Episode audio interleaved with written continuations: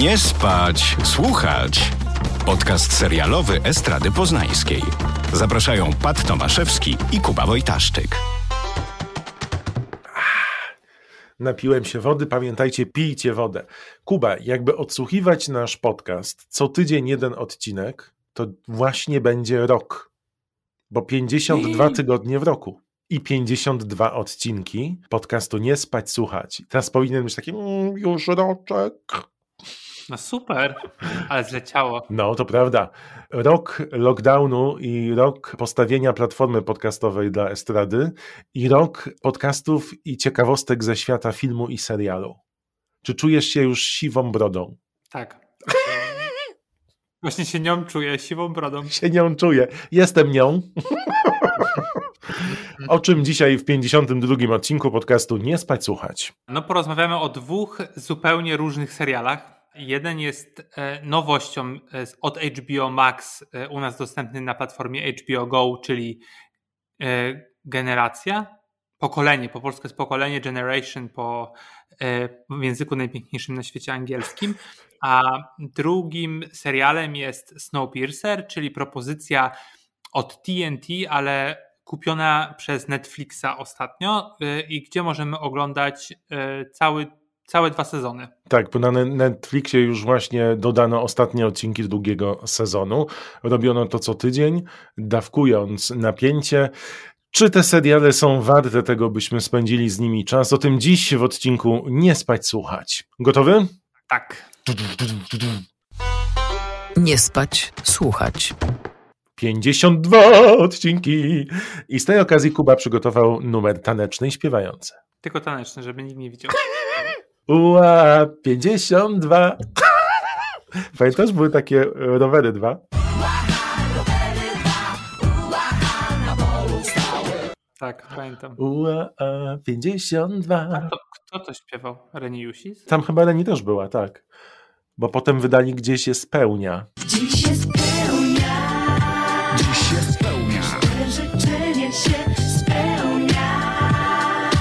pełnia wrażeń, to przy odsłuchu tego podcastu. Hmm. Suche żarty, czy również pojawiają się w Generation, czyli w pokoleniach na HBO.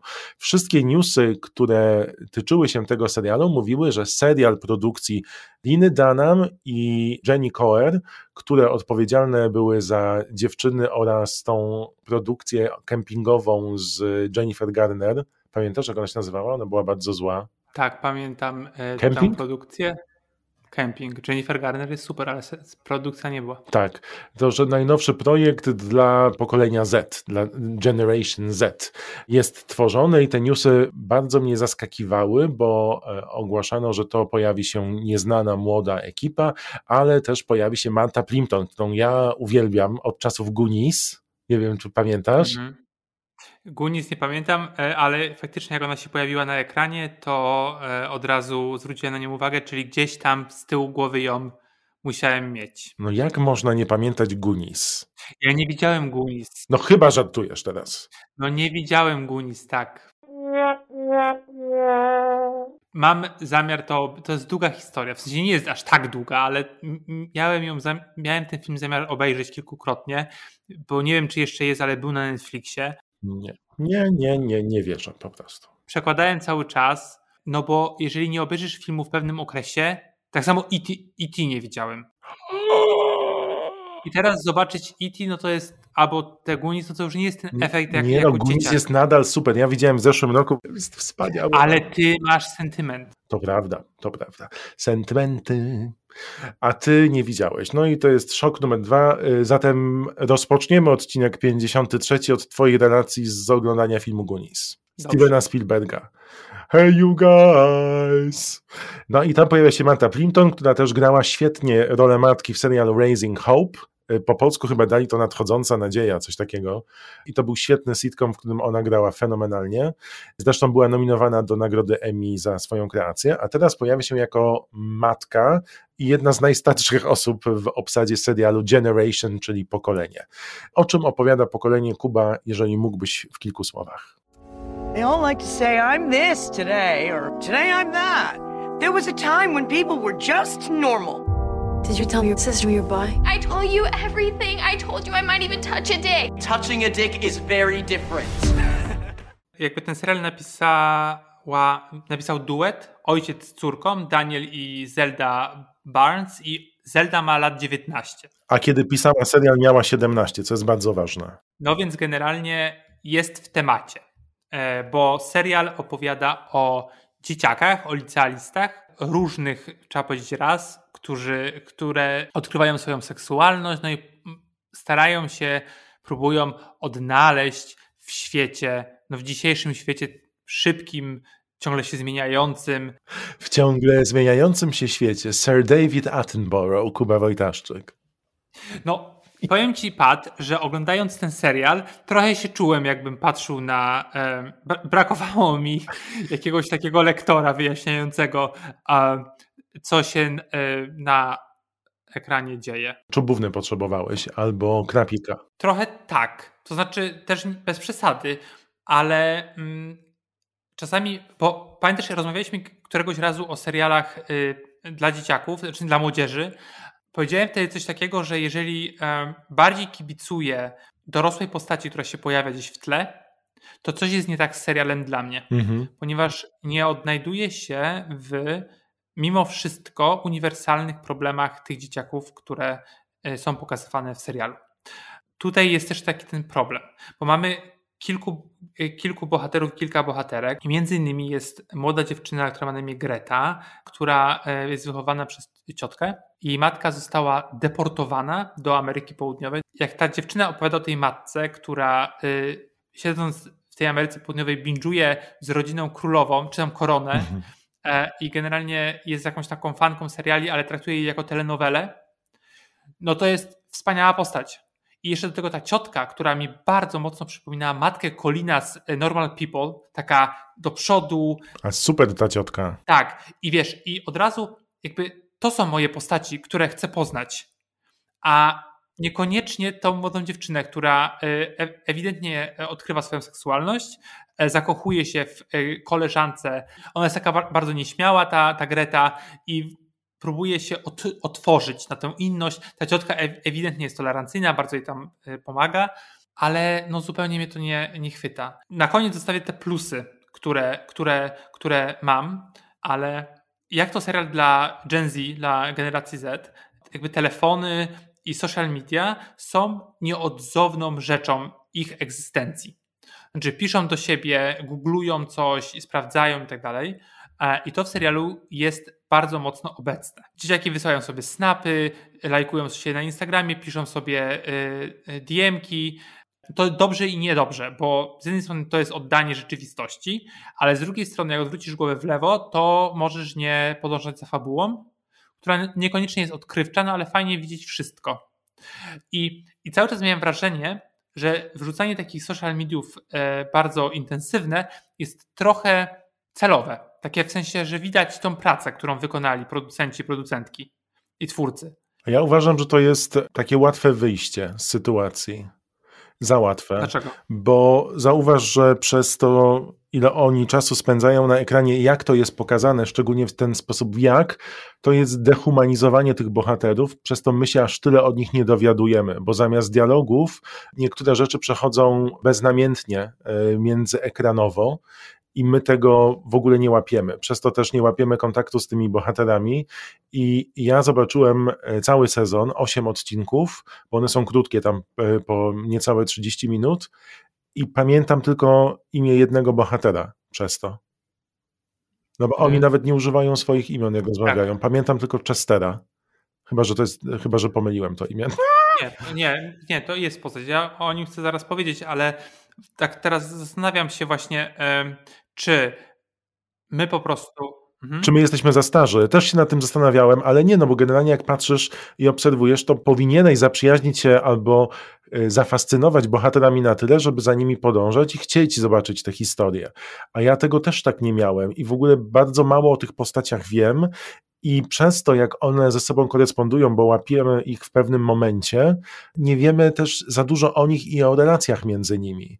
I na przykład najważniejszy akcent w tym serialu, według struktury fabularnej, bo każdy odcinek rozpoczyna się małą historią z czasu bieżącego, a potem wracamy kilkanaście albo kilka dni wcześniej i mamy główną bohaterkę, która rodzi, ale nic o niej nie wiemy. No, zaczyna się od tego, że w supermarkecie w łazience jedna dziewczyna rodzi, bo nie wiedziała, że była w ciąży. Nic o niej przez te 8 odcinków się nie dowiedzieliśmy. Nie sympatyzujemy z nią, nie chcemy z nią być. I jak patrzysz sobie na wszystkie te postaci, to żadna z nich nie ma celu. No ale to właśnie no pytanie, jak mówić o nastolatkach, o współczesnych nastolatkach, jeżeli nie za pomocą właśnie telefonów. Nie no, można za pomocą telefonów, ale nie w taki sposób. Dla mnie on dehumanizuje bohaterów bardzo Mhm. mocno, bo też musisz być non-stop skupiony na tym, co jest napisane pomiędzy tymi trzema Tak. mediami i część dramatów według nich przez małe D rozgrywa się właśnie na nich. To jest jednak przemysł telewizyjny i to jest serial, który ma ciebie łapać. Ty masz nawiązać kontakt z nimi, a oni pokazują, jak nawiązują kontakt między sobą i zupełnie zapominają o widzu. Zupełnie. Emocjonalności tam jest zero w tym. Jak zobaczyłem nazwisko Danam y, wśród producentek, to pomyślałem, że okej, chciała być głosem pokolenia, nie udało jej się w Gersach, no to teraz próbuję z młodszymi. E, No i faktycznie to, co za- zarzucano Gersom, no to to, że jest bardzo mało inkluzywne. Tak. Jak to pokolenie e, jest bardzo, w sensie przynajmniej aktorzy są bardzo e, diverse i mamy wiele ras. I Jest i biseksualny chłopak, i lesbijka, i pewnie znajdzie się osoba niebinarna. Napisałem na Instagramie, że jest to horror e, po prostu naszego, naszego rządu, że takie rzeczy dzieją się w szkole. No ale taka jest rzeczywistość i od tego nie uciekniemy. E, I to mi się spodobało. A, widzisz, a ja mam problem taki, że tam są wszystkie i wszyscy przedstawiciele pokolenia Z, co jest fajne, tyle, że ich historie są opowiadane jako historie uniwersalne. A tak nie Tak. jest. I tutaj wydaje mi się, że Lina Dunham poległa, bo w ogóle nie zaznaczają problemów, z jakimi ci wszyscy przedstawiciele muszą się na co dzień spotykać To prawda. przez to zapominają o tym, w jakim świecie faktycznie oni egzystują. I to jest taka bajka, która też zupełnie potem nie ma odzwierciedlenia w obrazie. To jest trochę jak, jak seriale Netflixa, które mają bardzo dużo, bardzo dużą reprezentację, ale tak naprawdę e, no właśnie, bo to jest reprezentacja, Mhm. to super, że te postaci się pojawiają, ale też pytanie, czy w każdym serialu, wiesz, osoba czarna, czy gay, czy whatever, musi mierzyć się z, mm, z jakimś takim politycznym statementem, że oto ja. I oto ja muszę się mierzyć z tym, z tym i z tym i z tym, czy po prostu e, stworzyć trochę taką bajkę na potrzeby właśnie tego, że dziecko e, z małej miejscowości ogląda na ekranie e, powiedzmy jakieś, jakieś odzwierciedlenie siebie i może zobaczyć, że nie jest samo, nie jest sama na, na świecie. Wydaje mi się, że ta granica tutaj jest bardzo niewyraźna, że, że chyba chci- chciano wszystkie sroki za ogon trzymać. Napisali sobie na tablicy wszystkie tematy, które muszą poruszyć i bohaterów, Tak. którzy muszą się znaleźć i to wrzucili do tego kotła. Ale to też, zobacz, jest to taki tygiel, że w tym tyglu powinno też zawrzeć czasem, a zupełnie tam nie. No tam jest miałko z tymi emocjami. Według mnie masz nakreślone, bo one nie są odegrane, ale masz nakreślone postaci, które mogłyby być tak barwne i tak wielowymiarowe, uwzględniając wszystko, o czym powiedziałeś, a niestety jest to bardzo zaprzepaszczona szansa według mnie, bo ja się zupełnie nie złapałem, a chciałem i dawałem 8 szans, bo zobaczyłem 8 odcinków. Ja widziałem trzy, bo już nie dałem rady, ale e, wydaje mi się, że wystarczyły mi te trzy odcinki, żeby e, móc zauważyć, gdzie leży problem. To są tylko 30-minutowe odcinki, tak jak powiedziałeś. Miałem wrażenie, że oglądam godzinne.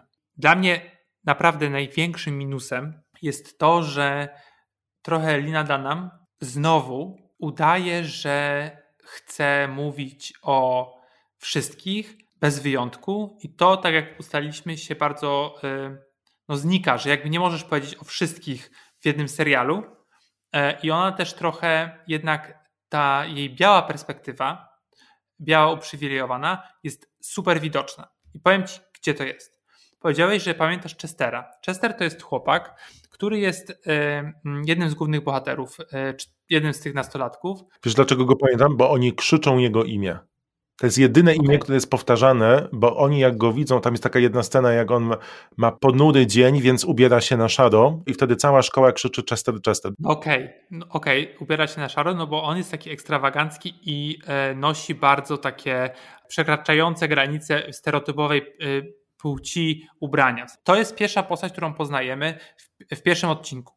I on idzie e, ubrany według szkoły ekstrawagancko i niestosownie, dlatego zostaje wysłany po raz kolejny e, do psychologa szkolnego na dywanik, żeby psycholog szkolny mógł mu wyjaśnić, czy mogła mu wyjaśnić, dlaczego jego postępowanie e, jest złe. W sensie, no. A ty miałeś psychologa szkolnego w szkole? Tak ciekawości tak, pytam. To był bardzo najgorsza pani na świecie. E, nie miała pojęcia, co robi. była moją sąsiadką. Najgorsza. I i on zostaje wysłany do tego i spodziewa się innej osoby.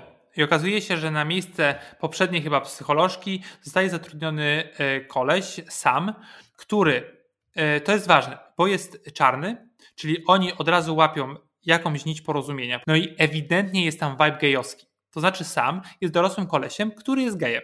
A to jest młody chłopak, który dojrzewa E, no i też serial idzie przeciw e, stereotypowym myśleniu. Twórcy, twórczynie wychodzą obronną ręką, bo znajdują, oni znajdują nić porozumienia i jest to jakiś taki, e, taki pociąg, ale to jest takie wszystko bardzo smaczne i takie, on bardziej wychodzi na takiego mentora w pewnym momencie, ten sam.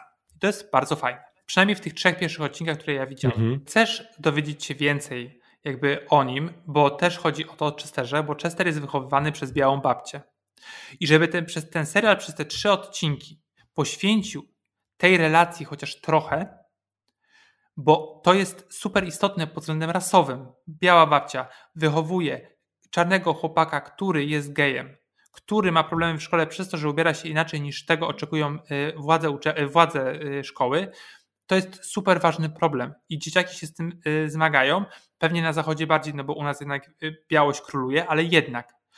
I w ogóle to zostaje pominięte w tych trzech pierwszych odcinkach, które widziałem, a waga zostaje przełożona na białą rodzinę, super uprzywilejowaną, gdzie jest brat i siostra, którzy są tak nudni. Najgorsi, najgorsi. I to jest, i pomimo, że to, to, y, matkę gra ta, ta aktorka, Manta Plimpton, y, która jest ok, ona jest tam konserwatywna, y, jakby Chesterowi poświęcono tyle uwagi, ile mówi się o, tych ciu, o jego ciuchach przez te trzy odcinki i o tym, i o tej białej rodzinie, to by było zupełnie inaczej. A tutaj mamy tą rodzinę białą, o której, o której wiemy wszystko. Wiemy, że jest ślub, że ta jest konserwatywna, że jest taka i owaka, że próbuje zrozumieć dzieci, a, a o tych niebiałych bohaterach wiemy coraz, coraz mniej.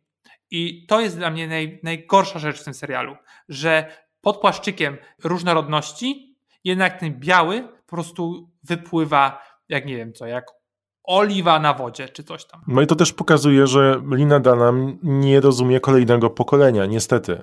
Tak sobie też pomyślałem o tym, jak się patrzy na tych bohaterów, że właściwie najciekawsze postaci, które tam są, mm, o nich wiemy najmniej. Ale są one, one o tyle ciekawe, bo tam jest charyzma włożona przez aktorów a nie napisane to jest scenariuszowo. I wydaje mi się, że mhm. też kwestia jest taka, że siedemnastolatka pisała to z ojcem i chciała pokazać swoich znajomych, skupiła się na tym, jak mówią, a nie kim są. I to widać na tym ekranie bardzo. I te postaci są niestety jednowymiarowe. Tam ktoś jest tylko jeden. I to jest hmm. też dla mnie największy zarzut, no bo z drugiej strony, jak masz 17 lat, to nie patrzysz na ludzi w ten sposób, nie? Ktoś jest taki albo, albo lubię go, albo nie lubię. Nikt nie jest szary albo wiesz, ma wiele odcieni, wiele barw. To, co wspomniałeś, ten Chester jest bardzo ciekawy, w ogóle potem nie jest pociągnięty ten wątek z babcią, ale też na początku jest definiowany tylko ubraniem. To tak, tak, no bo jest kolorowy, no. To, to no. nie wychodzi z zachowania jego. To jest tylko definicja taka prosta, właśnie taka dziecięca. Dodajmy tylko, że ojciec tej Zeldy, jeden z współautorów tego serialu, on nie ma wielkiego dorobku filmowego, ale zrobił film Cake z Jennifer Aniston, okay. w którym ona przełamała komediową rolę i dostała mnóstwo e, nominacji do najważniejszych nagród no. za to, że zmieniła e, swoje oblicze. Ale ten film nie był dobrym filmem. Był okej. Okay. Ja myślałem, że będzie nominowana do Oscara, a nie była. Nie była. Nie wiem, czy to jest kwestia tego, że pisząc serial, bohater musi być wielowymiarowy, bo musi być człowiekiem, musi być ludzki po prostu. A tu w, tej, w, tym, w tym położeniu licealnym wydaje mi się, że tego zabrakło. I zobaczyłem te osiem odcinków i ni mnie ziębi, ni mnie parzy. I też masz taką główną historię, która się przetacza przez wszystkie te odcinki związaną z porodem w łazience w supermarkecie i mówisz sobie, aha, no i teraz dlaczego ja mam się martwić losem tej bohaterki, skoro ona jest w ogóle tak pominięta w tych odcinkach, że to, co się dzieje z nią i, i z całym backgroundem jest dla ciebie już nieistotne, a to jest duży błąd bo to powinien być dramat. Nastolatka, która rodzi w, w, supermarkecie. Dlaczego, jak? Nie chcę mówić rodzicom, oni wiesz, co się dzieje społecznie, kulturalnie, to jest dla mnie ciekawe. A tutaj ta cała ciąża i dziecko jest tylko pretekstem do tego, żeby potem na końcu robić żarty. No bo to jest y, mimo wszystko to jest taki, taki comic, comic relief ten, ten, ten początek z tym rodzeniem, no bo one tam szukają wanienki, w sensie ona chce rodzić w wodzie, bo tak powiedziała Wikipedia, e, no bo nie, wie, nie wiedzą jak rodzą, więc googlują to wszystko. No i dużo jest tam takich dziwnych zabiegów. Przedstawiają to twórcy na początku, to czemuś to musi służyć. No bo to jest ten najważniejszy moment całego serialu, do którego prowadzą wszystkie odcinki. To jest ten moment, no tak. ten moment, który determinuje wszystko. On wcale nie determinuje niczego. No, widzisz, no, Lina nam pokazała po raz kolejny, że wyczucie jej jest średnie. Tak, ale żeby nie było, sprawdziłem sobie, czy to tylko jest moje odczucie, bo bardzo mnie ten serial zawiódł. I okazuje się, że nie, że pokolenie, dla którego jest zrobiony, też ma gdzieś ten serial. No, bo to jest też post-euforia. E, I e, to jest taka trochę zżynka, trochę niezżynka, e, bo teraz każdy po prostu do sama Lewinsona, do produkcji sama Lewinsona pije. Nawet jak mówiliśmy o Klangorze, to w tych takich scenach z młodzieżą również to jest y, widoczne. No, no więc może nie powinni, jakby proszę poszukać swojego e, wyrazu. Znaczy myślę, że jest to trudne i myślę, że wielu niestety nie udało się sprostać temu wyzwaniu, bo jest to wyzwanie. Ja wielki szacun dla Liny i dla reszty, że próbują robić coś takiego, ale może jednak faktycznie zastanowić się nad tym, jak to należy potratować, no bo jest to jednak produkcja telewizyjna, która powinna cię wciągać przede wszystkim bohaterami, a tu to leży po całości. No dobrze, no to y, leży również y, społeczeństwo y, świata. Jaki segway. W serialu pod tytułem Snowpiercer, ponieważ od siedmiu lat na Ziemi panuje wieczna zmarzlina. Zmarzlina. Seven years ago, the world ended. Now the train is all that's left. What do you see when you look at this train? I see a fortress to class. I see 3,000 souls surviving on a planet determined to freeze all life. Mamy kolejną epokę lodowcową. Tylko ileś tysięcy osób zostało uratowane e, w tysiącu jeden wagonach, które pędzą dookoła Ziemi. I tam życie się, e, no nie wiem, nie odradza, ale jest e, zakamuflowane. Tak, serial inspirowany wierszem Lokomotywa, Tuwima. Ewidentnie. Tylko, że lokomotywa nie stoi na stacji, ale ruszyła, od siedmiu lat jest w ruchu i od pierwszych momentów mówię sobie tak, kto oczyszcza te tory? Non-stop ten no, pociąg jest w ruchu. No, ale tam nie pada śnieg. No pada, właśnie lawiny padają na te... To tak. Kto odgarnia te tory? Kto dba o nie? Proszę mi odpowiedzieć nie. na to pytanie. To jest pierwsze pytanie po, dwu, po, dwóch minutach oglądania serialu. Nie można, nie można w tym serialu doszukiwać się, doszukiwać się jakichkolwiek praw, ale powoli. Ale praw jest jak to, w piosence? Jest to serial oparty na francuskim komiksie i nie powiem jaki jest autor, bo nie pamiętam. A ja się uczyłem ale... francuskiego, ale mój lektor się ze mnie śmiał. Za no, każdym razem, jak mówiłem się, zdanie. Więc ja go rozumiem. Ja też, się, ja też się z siebie śmieję. W 2013 roku Bong Joon-ho, czyli reżyser Parasite'a, wyreżyserował swoją wersję Snowpiercera, filmu fabularnego. Ten film był w porządku. To prawda. Grała tam m.in. Tilda Swinton, był Chris Evans. E, no nie było to najbardziej e, zróżnicowany, zróżnicowany cast, no ale był ten film. Bong Joon-ho przez to, że stworzył Parasite'a, nie tylko przez to, ale jakby Parasite e, wyniósł go na piedestał współczesnego kina, no jest takim synonimem mm, czegoś bardzo dobrego, takiego, że to musi być, wiesz, hit z głębią i tak dalej. E, no, Snowpiercer serial, serial robiony dla TNT niekoniecznie e, taki jest. Jest to bardziej, powiedziałbym, e, guilty pleasure. Jest to odcinkowa produkcja. Zwracam mocno uwagę na odcinkowa o bardzo podobnej fabule, w której mamy do czynienia z bohaterami. I tu sobie zadaję pytanie, co oni chcą zrobić? Przeżyć. No niby chcą przeżyć, ale jednocześnie narażają jedyne miejsce, w którym są bezpieczni na planecie. No tak, Pat, ale no, to jest trochę tak, że my też narażamy jedyne bezpieczne miejsce, jakie mamy, czyli planetę, na przykład śmiecąc. ale Więc ładne porównanie, bardzo ładne.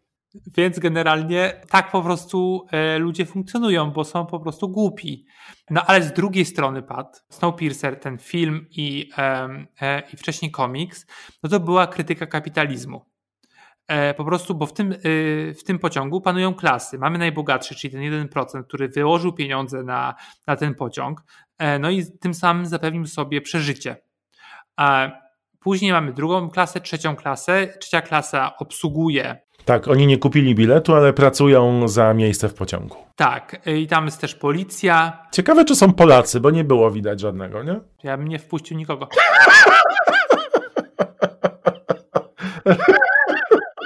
Dzień dobry, Polak. O nie, nie, nie. Nie, nie do widzenia. Nie, nie, nie. Proszę tutaj się zamrozić. Lewandowski może, no nie. Nie, nie, do widzenia. W drugiej klasie, e, do której zaraz wrócę, bo tam jest taka bohaterka, przynajmniej w pierwszym sezonie. Ja widziałem półtora sezona i przerwałem, już o, nie mogę. Ty, półtora sezonu? To, to, brzmi jak mięso. Półtorej łopatki, kilo bananów, półtorej sezonu.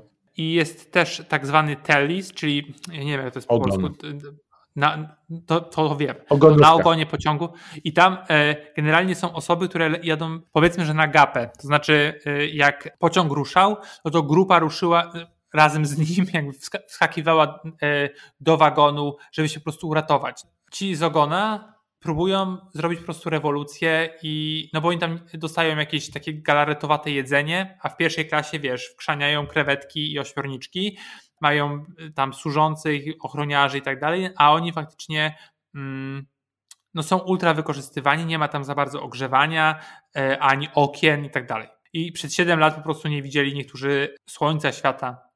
Polski. No, no i główny, i, e, i są jeszcze takie osoby, które się nazywają hospitality, co to jest? Concierge. I to są dwie, znaczy tam jest kilka osób, no ale dwie główne bohaterki, no jedna, jedną jest Jennifer Connelly, która jest taką przewodniczącą, jest taką gospodynią tego pociągu, e, no i pracuje bezpośrednio pod panem Wilfordem, który jest niby tego pociągu właścicielem. E, no i wszyscy myślą, że on po prostu się nie pojawia i, e, i, nie chce mieć z ludźmi do czynienia i tylko ona ma niby z nim kontakt. Tak, i w pierwszym odcinku jest pokazane, że ten pan Wilford to jest ona. Trochę tak, tak jest, jest, jest sugerowane to. Tak, nie zdradzajmy, co było w finale pierwszego sezonu, ale powiedz... Każdy to wie. No nie wszyscy wiedzą, Kuba. Nie wszyscy wiedzą. Ale jeszcze jest jedna postać, Andre Layton, gra go y, David Dix y, i to jest bardzo dobry y, aktor, który grał w Hamiltonie, w musicalu. I jeszcze pojawił się w takim serialu, którym, o którym mówiłem, z Danem Hawkiem, The Good Lord Bird. Tak. No i on tam był rewelacyjny. Tutaj w serialu, przez to, że to jest taka formuła trochę jednak telenoweli mhm. i takiego proceduralu mocno, on no trochę używa takich bym powiedział, bardzo przerysowanych e, e, form wyrazu, bardzo mi się kojarzących właśnie z teatrem. No, no i oni sobie jadą.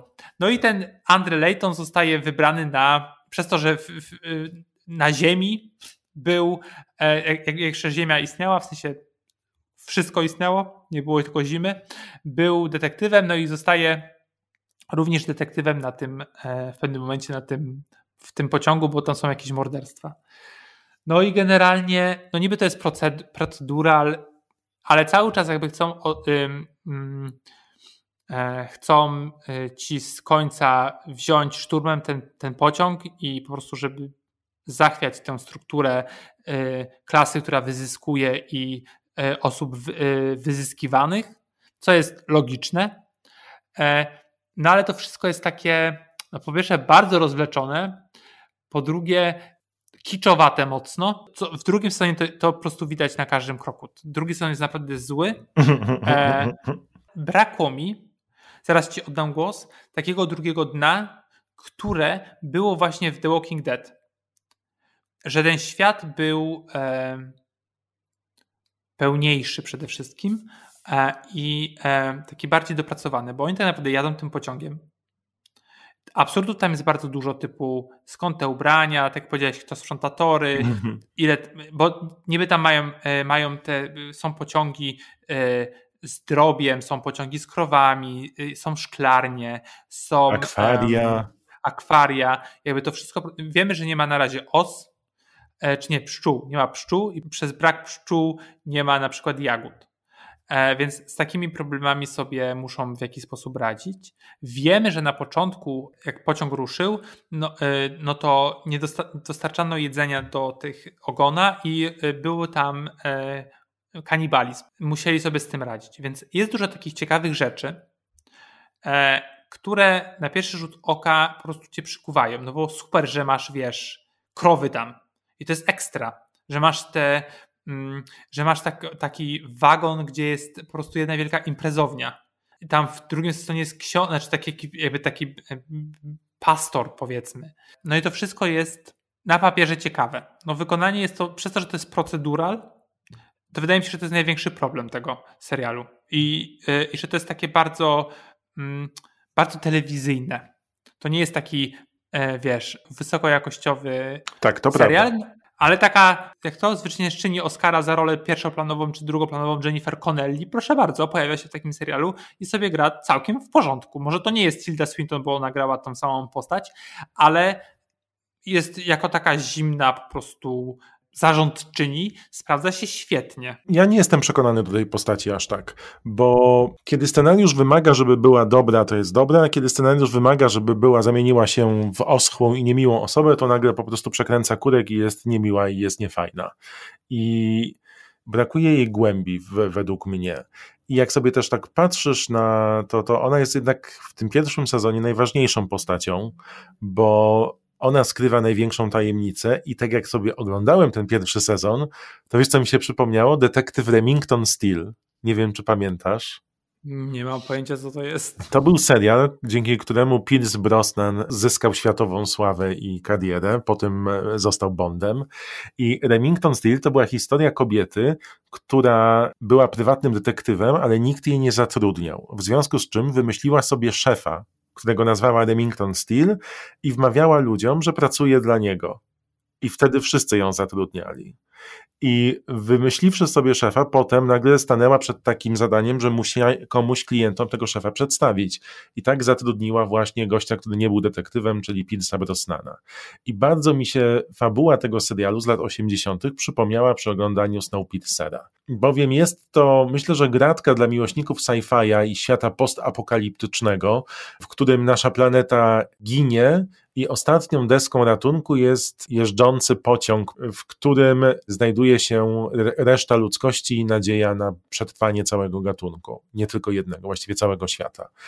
I z tego punktu widzenia jest to bardzo ciekawa propozycja. Potem musisz wsadzić w to bohaterów. I tu, jak zwykle w proceduralu, czyli w serialu telewizyjnym, który ma repetatywną fabułę, mamy do czynienia z postaciami miałkimi. I niestety tak, tak. jest że charyzmy, wyrazu i ciekawego zabarwienia postaci w sytuacji, w której podróżują w kółko przez 7 lat, w, wiesz, właściwie w podróży bez końca, bez nadziei, no bo wszystko, co robią w tym wagonie, nie zmieni sytuacji na zewnątrz. W drugim sezonie to się trochę zmienia. No ale mówię o tym pierwszym, bo ja widziałem tylko pierwszy. Warunki bo, bo... tak, bohaterowie nie. Okej, okay, jakby przyznam ci rację, bohaterowie są nakreśleni bardzo grubymi kreskami. Wiemy, kto jest kim, wiemy, kiedy kto się zmieni, wiemy, jak to zostanie e, tak, poprowadzone. Tak. Najgorsi są, e, najgorsze są osoby z pierwszej klasy, którzy są bardzo i które są bardzo płytkie, no płytkie, tak, jednowymiarowe. Jak, tak, jak z no. komiksu, bardzo komiksowo są przedstawione, aczkolwiek jak wrzuciłem na Instagram informację, znaczy informację, napisałem, że oglądam, wrzuciłem tam fotkę, nigdy nie miałem takiego respondu od tam osób, które mnie obserwują że też oglądają ten serial i bardzo lubią. Tych seriali post-apo wbrew wszystkiemu nie jest aż tak dużo świeżych, aktualnych. I myślę, że w kontekście też izolacji, tego, że oni są zamknięci, to duż, dużo jest podobieństw. Tylko chciałem powiedzieć, że a propos złego aktorstwa. Mhm. Tam obręczyni? Mhm. No, to tak. To bardzo. Nie. Ale w drugim sezonie e, pojawiają się nowe postaci. Nie Eric Bana, nie Sean, Sean Bean. To czytałem e, też. I, I to, jak on jest napisany, no to tak złej postaci, tak źle napisanej postaci nie widziałem na ekranie. No nie wiem. Nie wiem, czy widziałem. Jego motywacje są okropne. W sensie wiadomo, że to jest po prostu egocentryczny kolo, biały, po prostu uprzywilejowany. To jest jakby klasyk, ale po prostu, po prostu jego ego jest najważniejsze. No człowiek nie, nie jest tylko jedną, jakby jedną emocją, jednym. No tak, jednym... ale ten serial czasami nas tak pokazuje. Na przykład zwróciłem uwagę i sobie zapisałem, że większość bohaterów pierwszej klasy poznajemy przez cały pierwszy sezon w wagonie restauracyjnym, tak. gdzie siedzą w tych samych miejscach przez cały sezon. Tak. No ludzie, no. E, no, ewident, no ewidentnie mieli mało kasy i dali trochę na CGI, e, no i zrobili cztery wagony, bo tak tam może pięć jest. No. E, z tysiąca jeden. W ogóle chciałem powiedzieć, że też mi się bardzo podobał ten wątek, jak dziecko prowadziło pociąg. Tak skomplikowany pociąg, że dziecko prowadzi. No ale to jest taki Dudy Hauser. No. Długi, a nie Dudy. No, długi. Du, długi, długi haj. Du, E, to prawda. No, znaczy, więcej się uśmiałem niż zaangażowałem w historię, ale być może dlatego, że oglądałem Snowpiercera w czasie, kiedy u mnie w ciele wojował wirus, robiąc z mojej skóry smoka. Być może jest to powód, dla którego tak obejrzałem ten serial, ale ja się bawiłem, ja się trochę bawiłem, no niestety przewijałem też, bo e, dialogowo mnie nie urzekł. Faktycznie bardziej byłem skierowany na te um, sceny z Melanie, czyli z Jennifer Connelly, żeby zobaczyć, jak to będzie rozwiązane. I też, kiedy dochodzi do głównej konfrontacji z jej podopieczną, którą okłamywała Wspaniała. przez 7 lat, ta Ruth jest, Ruth jest super. Ruth jest wspaniała. Tak, i Ruth jest znaczy super. On... Jak ona wchodzi na ten stołek, to jest super zagrana postać. Tak, ale w drugim sezonie no nie, w drugim sezonie jest ok, w sensie jest trochę nie taka jak była w pierwszym, ale generalnie spoko. Jest, też ma większą rolę do zagrania. E, ta aktorka Alison e, Wright. No tak, ale na przykład I... patrzysz sobie na tę postać, nie? I mówię o tym pierwszym sezonie. I widzisz od początku, jaka jest jej rola w tym pociągu, co ona ma robić i nagle dochodzi do tej konfrontacji, do odkrycia tej e, niby prawdy, i ona podejmuje takie decyzje, że mówi sobie, no to już to nie jest podobne do jej postaci. To jest decyzja, którą, która jest napisana, bo potrzebny jest konflikt, ale on nie jest organiczny. Okej, okay, ale różni są ludzie. E, Nieprawda. Ja generalnie, ja, generalnie, ja generalnie z tym pisaniem postaci, no tam jest. Ja to trochę tak spycham e, na karby tego, że to jest e, taki, a nie inny serial że on jest celowo tak napisany, że to nie jest tak, że oglądasz serial, który tak jak, tak jak na przykład Pokolenie miał być serialem o czymś w głowie twórców, a wyszło coś innego. Mhm. Wydaje mi się, że to miał być taki serial. Okej. Okay. Zwłaszcza, że to jest TNT, to nie jest żadna telewizja. TNT to się kojarzy z tym, że obejrzysz po prostu film z 40 roku, jakby to było dzisiaj. Nieprawda. TNT hasło We Know Drama, The Closer, Saving Grace, bardzo dużo procedurali Stevena Boczko, Razoli and Isles, Leverage. Oni robili bardzo dużo bardzo fajnych seriali. Dodajmy, to nie jest zwykła sieć kablowa w Stanach Zjednoczonych, to jest sieć kablowa, która jest jeszcze dodatkowo wspierana e, reklamami, więc musi nazbierać widzów, żeby zarobić na siebie dodatkowo poza subskrypcją i jest jedną z y, bardziej prężnie działających mm, sieci kablowych w Stanach. Więc oni naprawdę mocno inwestowali swego czasu, bo teraz zrezygnowali w produkcje telewizyjne i to były jedne z lepszych produkcji, jakie telewizja widziała wtedy ale, w swoim czasie. Ale no teraz z prestiżowymi dramatami mają niewiele wspólnego, to bardziej są procedurale. Ale ten serial na tyle jest popularny wśród widzów, bo nie wśród krytyków, że Netflix go kupił więc jeżeli go Netflix kupił, to nie wiemy, jak ten trzeci sezon będzie wyglądać. To może być, wiesz, zupełnie coś innego. A to TNT już nie będzie robiło trzeciego sezonu? No może i będzie robić, ale jeżeli seria jakby pojawia się na Netflixie, to Netflix chyba ma jakąś tam e, Czasami, e, tylko, czasami tylko kupuje prawa, bo to zależy, czy w Stanach Aha. pierwowzór będzie TNT, czy pierwowzór będzie Netflixa. To zależy od dealu, bo czasami kupuje tylko prawa na cały świat, a w Stanach na przykład nie można go oglądać. Okej. Okay. To, to zależy no od ja- umów produkcyjnych, ale wydaje mi się, że jest to widać po sukcesie, że będą inwestowali. Więc jeżeli jest taka sytuacja, że kupili całkowicie, no to wiemy, że wyłożą trochę pieniędzy na to. No, w każdym razie drugi sezon jest naprawdę koszmarny. No ale nie skończyłeś I- go. Nie, nie, nie mogę, naprawdę. Jakby mnie historia nie wciągnęła Mhm. w pierwszym sezonie, opuściłbym na bank. Dlatego, że to jest procedural. I to jest y, największy błąd, ponieważ te wszystkie detektywistyczne rzeczy są y, po pierwsze mało istotne i bardzo nieciekawe. Tak, to I prawda. one też nic nie wnoszą e, do całej fabuły, bo fabuła powinna, powinna powiem, bo się, bo się znam, e, powinna dotyczyć tego, e, właśnie tej krytyki e, kapitalizmu. Tego, że pomimo, że jest koniec świata, e, ludzie i tak będą dążyć do, do tego, że ci, którzy mają, którzy mają najwięcej siły, będą e, próbować tłamsić tych, którzy tej, sil, e, tej siły e, nie mają. Tak, i bez względu na warunki cały czas będą się dzielić, co jest bardzo ciekawą kwestią do pod, podjęcia w, w Tak. serialu. Tak, masz rację. I jeżeli weźmiesz, wiem, że piję do The Walking Dead, ale to jest, y, mm, to super to pokazuje, że w The Walking Dead Wszyscy e, zostali te zrównani. żywe trupy- Tak, tak, tak, tak. te żywe, żywe trupy nie były głównym wrogiem, tylko drugim, głównym wrogiem był drugi człowiek. To prawda. E, I to było y, rewelacyjne i takie innowacyjne w tym wszystkim. A tutaj e, po prostu przez to, że ten, że ten procedural po prostu nie pasuje tam, bo jest koniec świata, zmienia się sytuacja i w to, powi- to jest temat. A nie, że pociąg napieprza po prostu przez 7 lat dookoła. I co z tego? I też ja bym chciał poznać dokładnie trasę tego pociągu. To nie No, jest ja- pokazane. Którędy on jeździ, że on tak napieprza cały czas? P- Później jest pokazane i on jeździ po oceanach. Aha, po górach, nawet po Tybecie. Więc generalnie jak, kiedy no postawiono tak. tory, kiedy postawiono tory na oceanie, tego nie wiem. W którym momencie, nie wiem, zlodowacenia.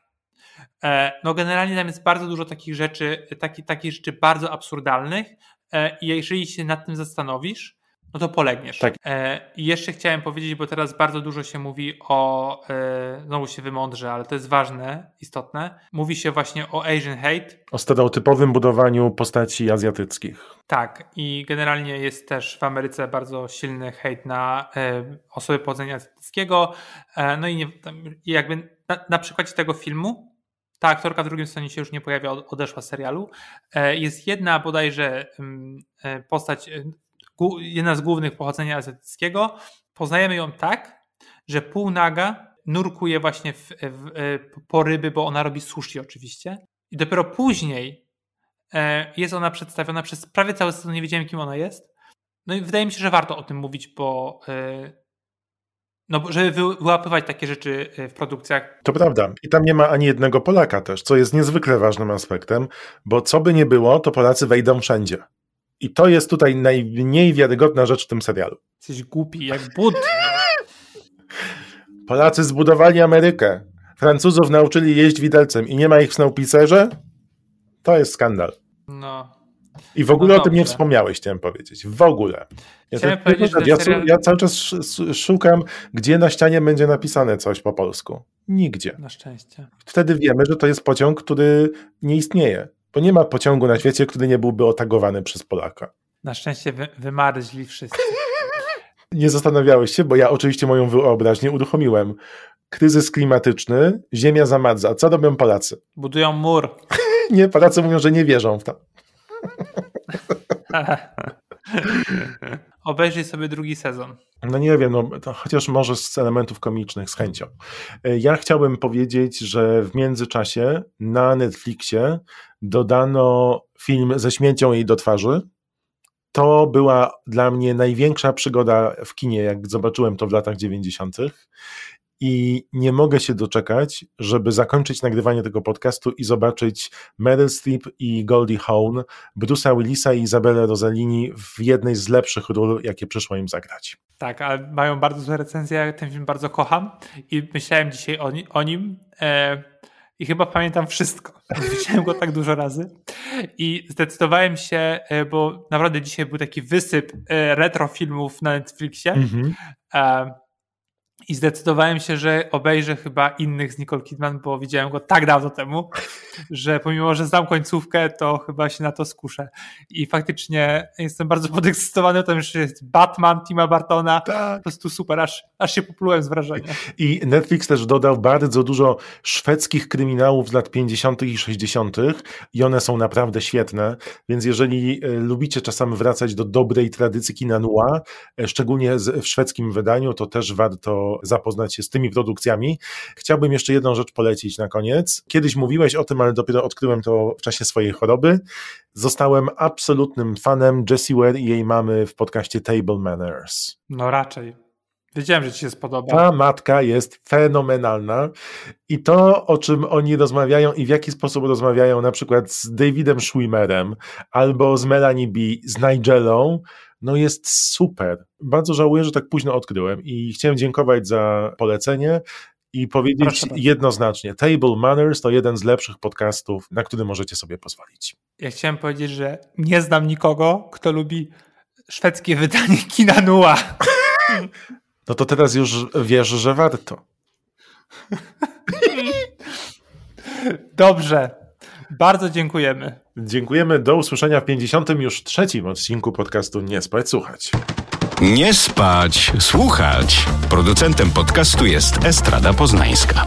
Wszystkie odcinki znajdziesz na estrada.poznan.pl.